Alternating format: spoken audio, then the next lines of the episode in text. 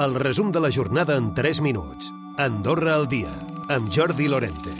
Convocar una vaga general és una possibilitat que els sindicats contemplen. Així s'hi ha expressat el secretari general de l'ús de Gabriel Ubach. Això sí, reconeix que serà difícil a causa de la precària situació econòmica dels treballadors. Jo estic convençut que una vaga general, amb la situació que hi ha avui en dia, que la gent tot just arriba a final de mes, és molt difícil de convocar. També vam intentar nosaltres convocar doncs, abans de convocar una vaga general d'aquest tipus, mirar de fer una caixa solidària, no? perquè realment les persones que ho necessiten poder-los ajudar. I la resposta va ser que prou feines tinc arribar jo al final de mes, vols que fèiem una caixa solidària.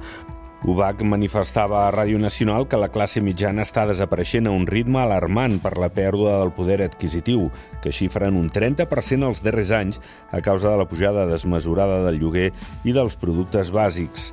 El Tribunal de Corts ha absolt un advocat acusat d'estafa i elaboració de document no veràs en una operació comercial. En canvi, ha condemnat pel mateix delicte l'home que l'havia contractat.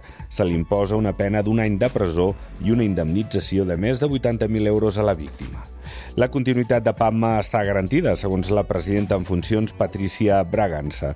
Un grup de socis està disposat a agafar-ne el relleu i donar un nou impuls a l'històrica entitat amb un marcat caràcter divulgatiu. El forn incinerador continua sent un dels principals cavalls de batalla, sobretot els pics d'emissions de toxines, que en alguns moments són alarmants, com explica la presidenta en funcions de PAMA, Patricia Bragança. És veritat que hi ha moments que hi ha hagut pics que, que són alarmants, no? Que després es compensen o no. Políticament seria realment tenir una capacitat de, de, de, de ser molt valents, una valentia molt gran, una capacitat de, de ser realistes amb la situació andorrana, seria uh, realment desfer aquest fòrum que tenim, perquè tot el seu, tot el seu, la seva construcció, la seva planificació i el seu modus de funcionament no és adequat. El pont tibetà ha tingut enguany un retorn econòmic d'uns 2 milions i mig d'euros. Calculen que els visitants han fet uns 7,7 milions d'euros de despesa a la parròquia. Si es té en compte només la dada dels que no haurien anat a Canilló, si no fos per gaudir del pont, la xifra del que han gastat en aquest indret també és important.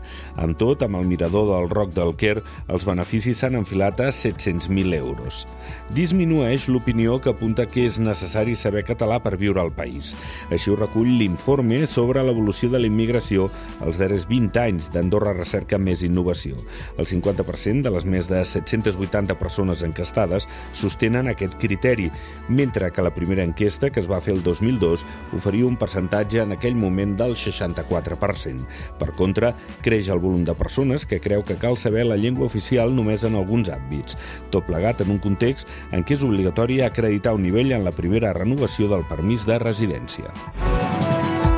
Recupera el resum de la jornada cada dia a AndorraDifusió.d i a les plataformes de podcast.